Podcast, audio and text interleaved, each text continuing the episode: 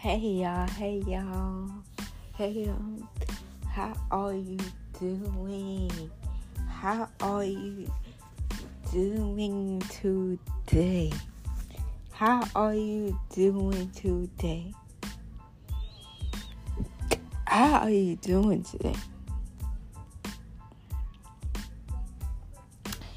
That's good. That's good. That's good. That's good. But today, I today I want to talk to y'all about humbling. Humble yourself. Humble yourself, y'all. It's too much going on. It's too much going on, y'all. It's too much going on.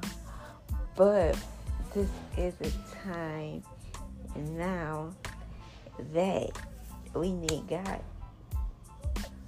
We need God because it's too much going on and we cannot handle it all by ourselves. We cannot handle it. We will be drowned like the mud. But I want y'all to understand that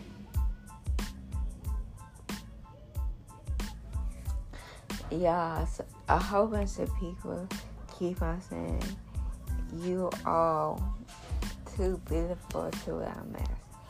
Yeah, I know I'm beautiful. You do not have to tell me that. You really do not have to tell me that. I know that I am beautiful, that I am kind, but you do not have to tell me because I already know. But this year, y'all, I want, I wanted to do a test because what, what y'all goes for this year? What my goal was to be getting famous on TikTok, famous on YouTube. So, yeah, my, my main goal was to get like soft skin, soft skin, like vanilla skin. So, what is y'all goal for this year, y'all? And I really did not find out that bad. But y'all, I like Victoria's Secret.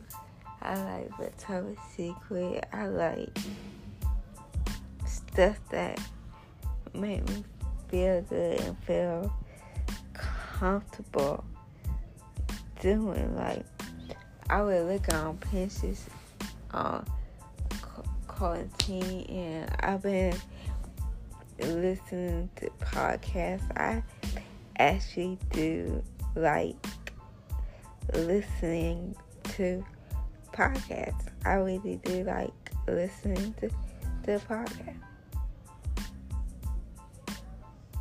But I wanna know how does it feel to like have like overprotective parents because my parents say I was like this. But I feel like you got to show them that you can like take care of yourself. You got to show them that you can take care of yourself. Don't stress about nothing. Humble yourself. Humble humble yourself. Yeah, and all these mass, all these mass shootings keep on happening. Like all these mass shootings that keep on ha- happening. But I want people to like continue to be safe out here. Bye.